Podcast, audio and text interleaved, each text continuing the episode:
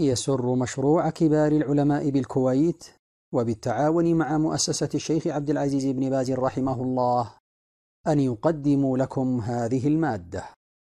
الاختيارات الفقهية في مسائل العبادات والمعاملات من فتاوى سماحة العلامة الإمام عبد العزيز بن عبد الله بن باز رحمه الله. جمعها ورتبها الشيخ خالد بن سعود بن عامر العجمي. كتاب الطهارة باب الحيض والنفاس.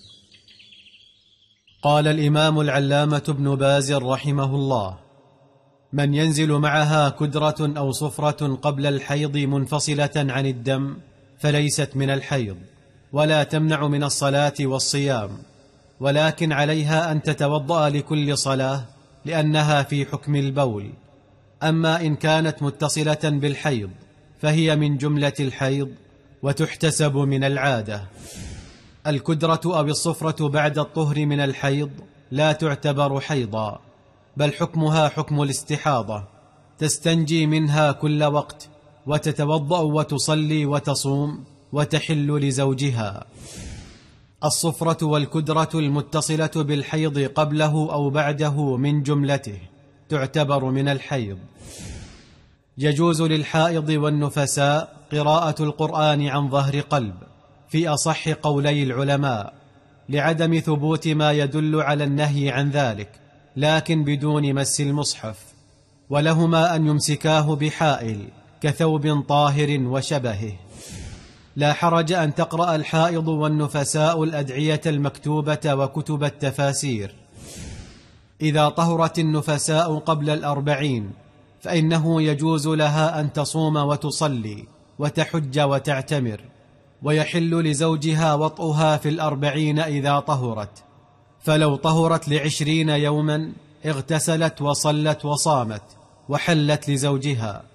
وما يروى عن عثمان بن أبي العاص أنه كره ذلك فهو محمول على كراهة التنزيه وهو اجتهاد منه رحمه الله ورضي عنه ولا دليل عليه.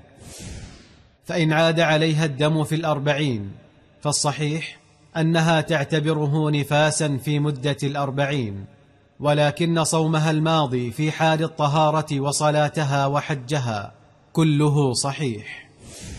النفاس لا يزيد على أربعين يوما على الصحيح فتغتسل وتصلي وتصوم وتحل لزوجها وتتحفظ من الدم بالقطن ونحوه ويكون حكم هذا الدم حكم دم الاستحاضة لا يمنع من الصلاة ولا من الصوم ولا يمنع زوجها منها وعليها أن تتوضأ لكل صلاة. المستحاضة هي التي يكون معها دم لا يصلح حيضا ولا نفاسا وحكمها حكم الطاهرات تصوم وتصلي وتحل لزوجها وتتوضأ لكل صلاة. إذا زاد الدم عن خمسة عشر يوما فهو دم استحاضة لا تدع الصلاة ولا الصوم بل عليها أن تغتسل. ثم إذا جاء وقت الحيض في الشهر الآخر جلست لعادتها المعتادة. إن زاد الدم على خمسة عشر يوما ولو ملفقة صلت وصامت ولم تلتفت إليه وصارت بهذا مستحاضة ترجع إلى عادتها الأولى وتقضي ما تركت من الصلوات الزيادة التي زادتها. أما إذا انقطع لثمان لتسع لعشر لاثني عشر يعني زاد على العادة ولكنه انقطع فإن هذا يسمى حيضا على الصحيح. لأن العادة تزيد وتنقص وقد تتصل وتفترق.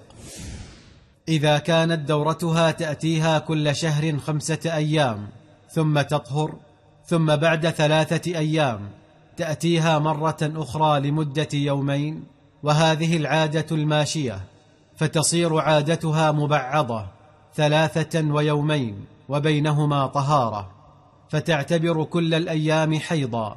الأولى والأخيرة وبينهما طهر إذا كان هذه عادتها الجارية. إذا استعملت المرأة ما يقطع الدم من حبوب أو إبر فانقطع الدم بذلك واغتسلت فإنها تعمل كما تعمل الطاهرات وصلاتها صحيحة وصومها صحيح. لو جاءها حيض بعد الزوال فإنها لا تقضي الظهر. وكذلك لو جاءها بعد طلوع الفجر لا يلزمها بعد الطهر قضاء صلاة الفجر. وبعض أهل العلم قالوا عليها أن تقضي هذا الوقت ولكن ليس عليه دليل. وإن قضت فلا بأس. إلا إذا كانت أخرتها حتى ضاق الوقت فإنها تقضيها لأنها فرطت في عدم فعلها في وقتها. وأما إذا كان نزولها في وسط الوقت أو في أوله فلا تقضيها. إذا طهرت الحائض أو النفساء قبل غروب الشمس وجب عليها أن تصلي الظهر والعصر في أصح قولي العلماء. وهكذا إذا طهرت قبل طلوع الفجر وجب عليها أن تصلي المغرب والعشاء. وقد روي ذلك عن عبد الرحمن بن عوف وعبد الله بن عباس رضي الله عنهما. وهو قول جمهور أهل العلم. لو طهرت الحائض والنفساء قبل طلوع الشمس وجب عليها أن تصلي صلاة الفجر. الصحيح ليس للطهر حد محدود ولا للحيض حد محدود. لكن الغالب أن الحيض يكون ستة أيام أو سبعة والغالب أن الطهر ثلاثة وعشرين يوما أو أربعة وعشرين. فبعض النساء قد تأتيها العادة في الشهرين أو الثلاثة مرة أو في السنة مرة فليس لهذا حد محدود. إن كانت عادتها سبعة أيام فاستمرت بها إلى عشرة فلا بأس أن تجلس بل يجب عليها أن تجلس ولا تصلي ولا تصوم. إن كانت الحائض لا تستطيع الخروج من المسجد وحدها فلا حرج عليها في المكث في المسجد. أما إن كانت تستطيع الخروج وحدها فالواجب عليها البدار بالخروج لأن الحائض والنفساء والجنب لا يجوز لهم الجلوس في المسجد. النبي صلى الله عليه وسلم قال إني لا أحل المسجد لحائض ولا جنب. والله سبحانه قال يا أيها الذين آمنوا لا تقربوا الصلاة وأنتم سكارى حتى تعلموا ما تقولون ولا جنبا إلا عابري سبيل. فاستثنى الله عابر السبيل من أهل الجنابة والحائض كذلك. ليس لها أن تجلس في المسجد ولكن لها أن تعبر. لا بأس أن تحضر الحائض والنفساء عند باب المسجد لسماع الدروس والمواعظ. المبتدأ.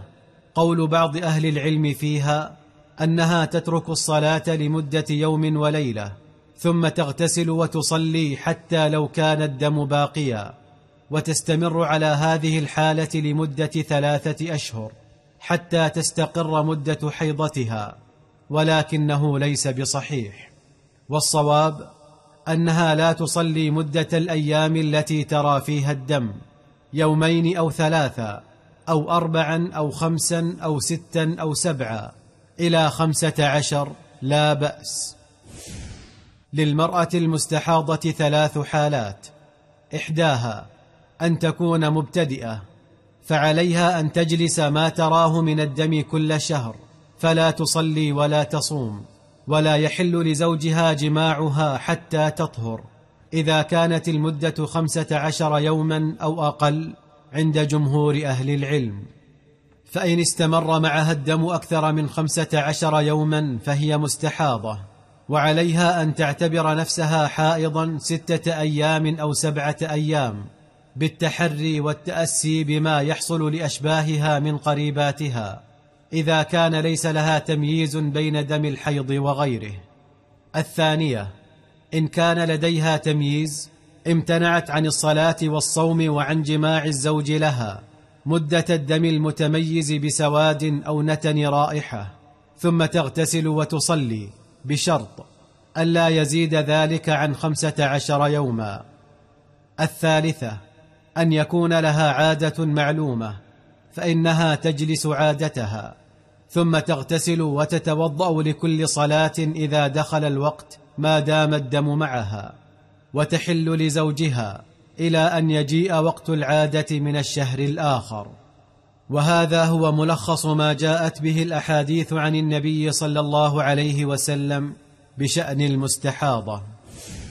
ليس لأقل النفاس حد محدود. النفساء كغيرها من النساء لا حرج عليها في مغادرة بيتها للحاجة فإن لم يكن حاجة. فالأفضل لجميع النساء لزوم البيوت لقول الله سبحانه وقرن في بيوتكن ولا تبرجن تبرج الجاهلية الأولى. إذا أسقطت المرأة ما تبين فيه خلق الإنسان من رأس أو يد أو رجل أو غير ذلك فهي نفساء لها أحكام النفاس. إن كان الخارج من المرأة لم يتبين فيه خلق الإنسان بأن كان لحمة ولا تخطيط فيه أو كان دما فإنها بذلك يكون لها حكم المستحاضة لا حكم النفساء ولا حكم الحائض. من أتتها الولادة بعد دخول وقت الصلاة فليس عليها قضاؤها إذا كانت لم تفرط.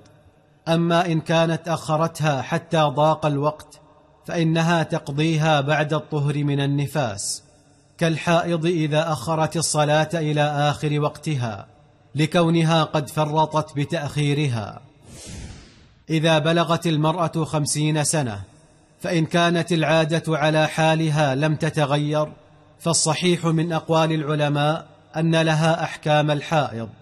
أما إذا تغيرت باختلاف الدم أو باستمراره أو عدم انضباطه فإنه يعتبر والحال ما ذكر دم فساد. فيكون لها أحكام المستحاضة. القصة البيضاء ليست بدم بل هي علامة على أن الحيض انتهى. فإذا رأتها المرأة فعليها أن تغتسل وتصوم وتحل لزوجها. ولا يتعلق بالقصة البيضاء حكم نجاسة من جهة ذاتها وهي مثل الخارج الذي يوجب الاستنجاء.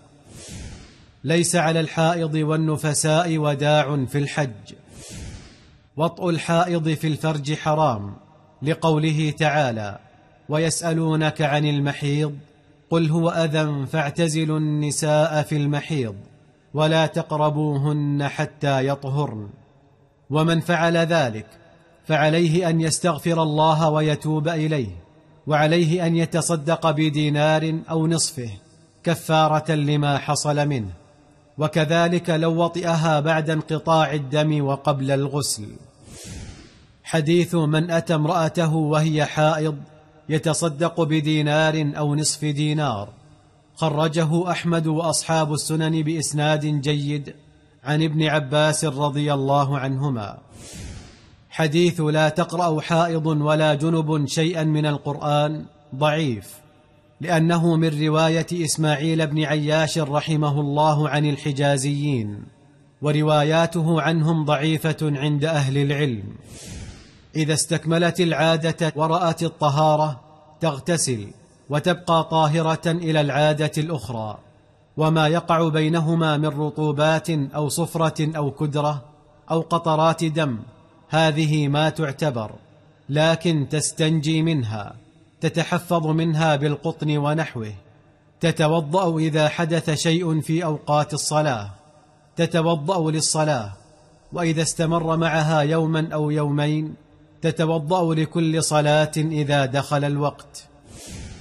العادة تزيد وتنقص. فإذا كانت العادة أربعة أيام أو خمسة وزادت ستة سبعة ثمانية تسعة فلا بأس. لا تصلي ولا تصوم لأن العادة تزيد وتنقص. لا بأس على الحائض أن تقص أظافرها أو تنتف إبطها أو تزيله بالأدوية أو العانة كل ذلك لا بأس به. لا حرج في استعمال الحناء في الحيض والنفاس. إذا قرأت الحائض القرآن سجدت للتلاوة إذا مرت بسجدة التلاوة. الاغتسال من الاستحاضة مستحب وليس بواجب لكن إذا اغتسلت فهو أفضل والأفضل أن تغتسل للظهر والعصر غسلة واحدة وللمغرب والعشاء غسلة واحدة وللفجر غسلة واحدة. الاختيارات الفقهية